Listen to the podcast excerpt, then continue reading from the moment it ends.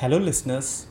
This is Raghav Dasagari, a practicing lawyer with the High Court at Hyderabad, India.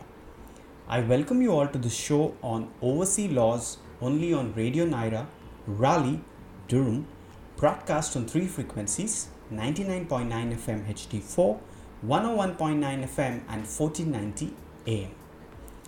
If you are a business owner, you own a company in the US, and you're thinking of growing your business and expanding your horizons, you wish to have presence in India, then today's talk show will help you to know how your foreign company can establish its presence in India. Now, what are the options that are open for an entry for foreign investors in India? A foreign company planning to set up business operations in India has the following options.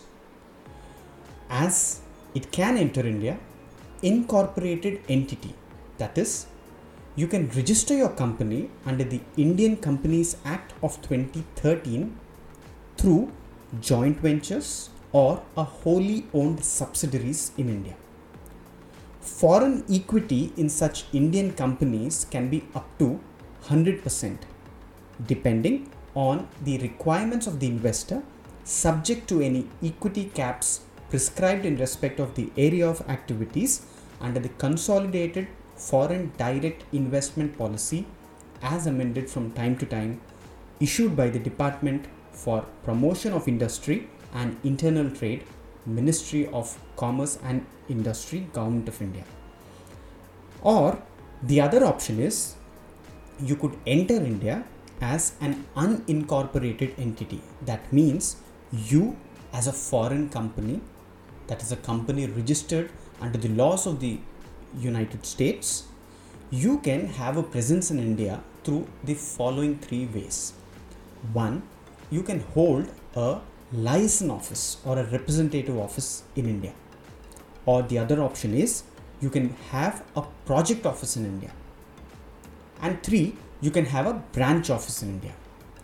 Now these offices can undertake activities permitted under the foreign exchange management regulations 2016 as amended from time to time along with other specific regulations and circulars issued in this context.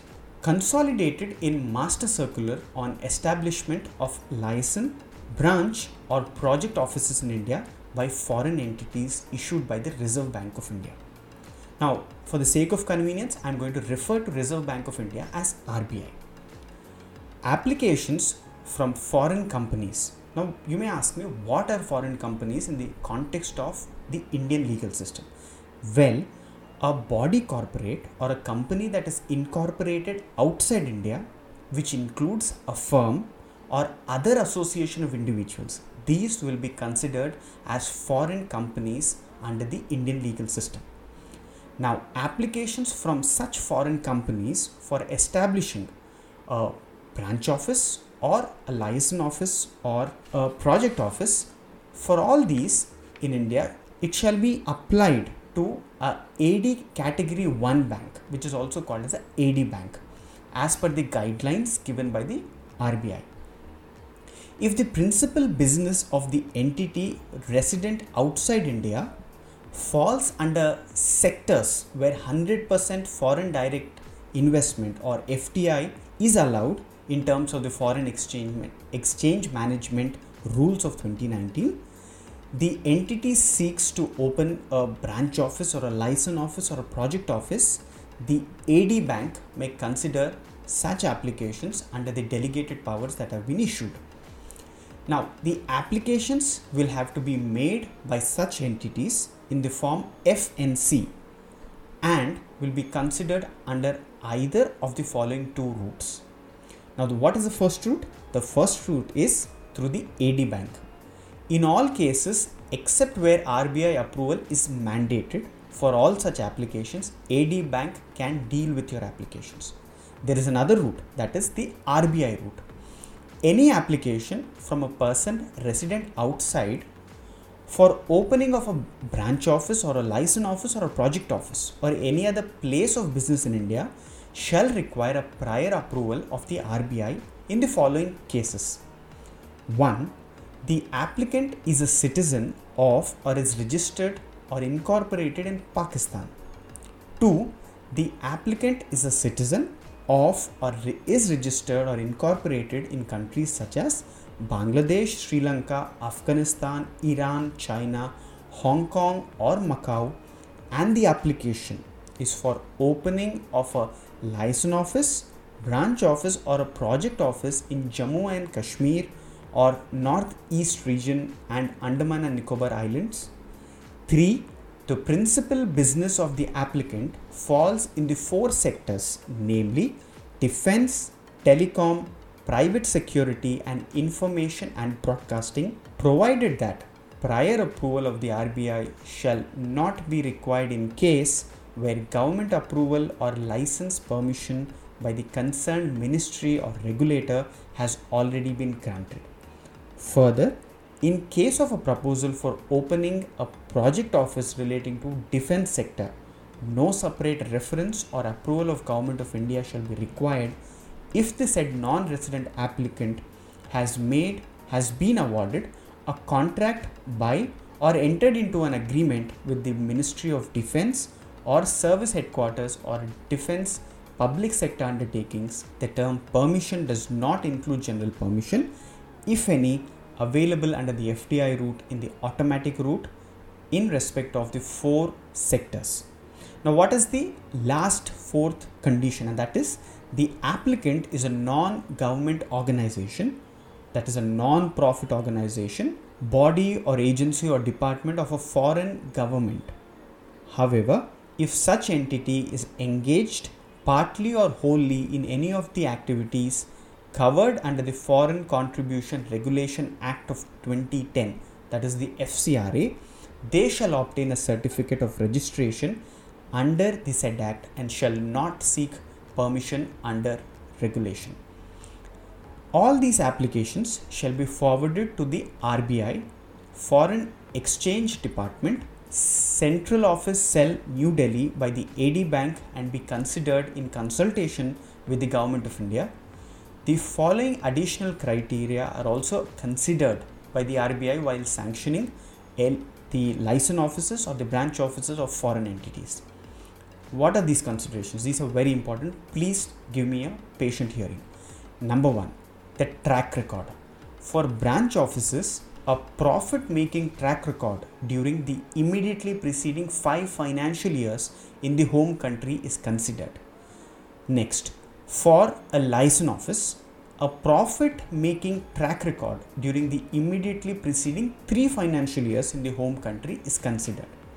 The other point of consideration is the net worth, the total of paid up capital and free reserves less the intangible assets as per the latest audited balance sheet or account statement certified by a certified public accountant or any registered accountant practitioner by whatever name called in that particular country. Now, with respect to branch offices concerned, it must be not less than 100,000 US dollars or its equivalent. When it comes to a liaison office, it has to be not less than 50,000 US dollars or its equivalent. Now, the application in Form FNC for establishing the branch offices or the liaison offices in India should be forwarded by the foreign entity to a designated AD bank along with the prescribed documents including what are the documents included one you will have to submit the certificate of incorporation or registration or memorandum of articles of association attested by the Indian embassy or notary public in the country of registration. Number 2 latest audited balance sheet of the applicant entity for the last 3 or 5 years in case of branch office or the liaison office respectively. Now what is the third document that is the banker's report from the applicant's banker in the host country or a country of registration showing the number of years the applicant has had banking relations with that bank.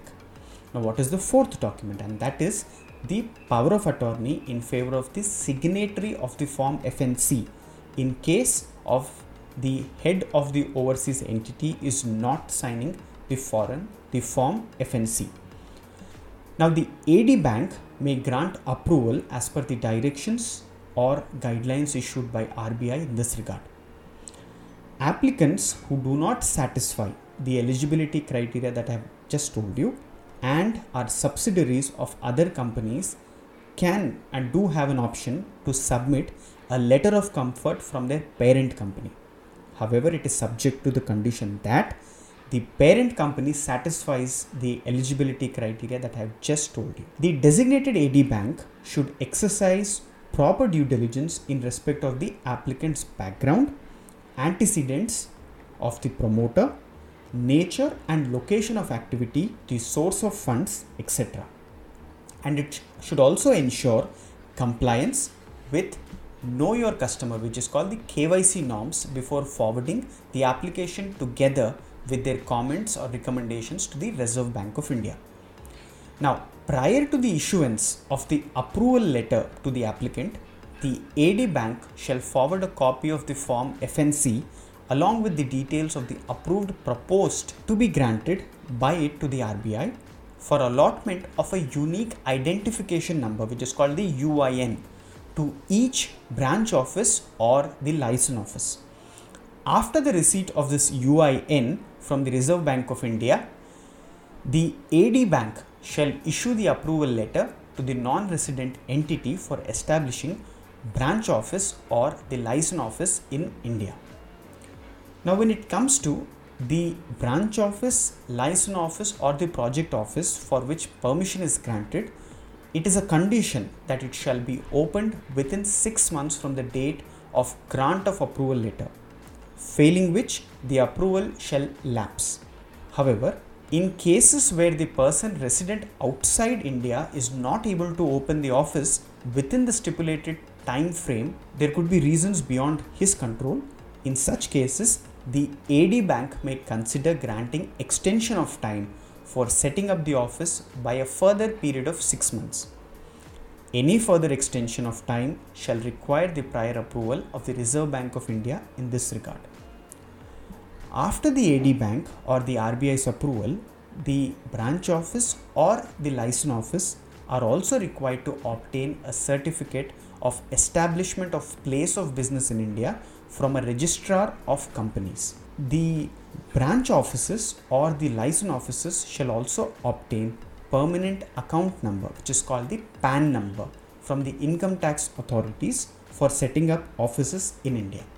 We are taking a quick break and we'll be back after these messages. After the break, I will tell you what is the true nature of these different types of offices that I've just referred, be it the licensing office or the branch office or the project office. And I will also tell you what are the different do's and don'ts which these offices are permitted while they have their presence in India. So please stay tuned with us.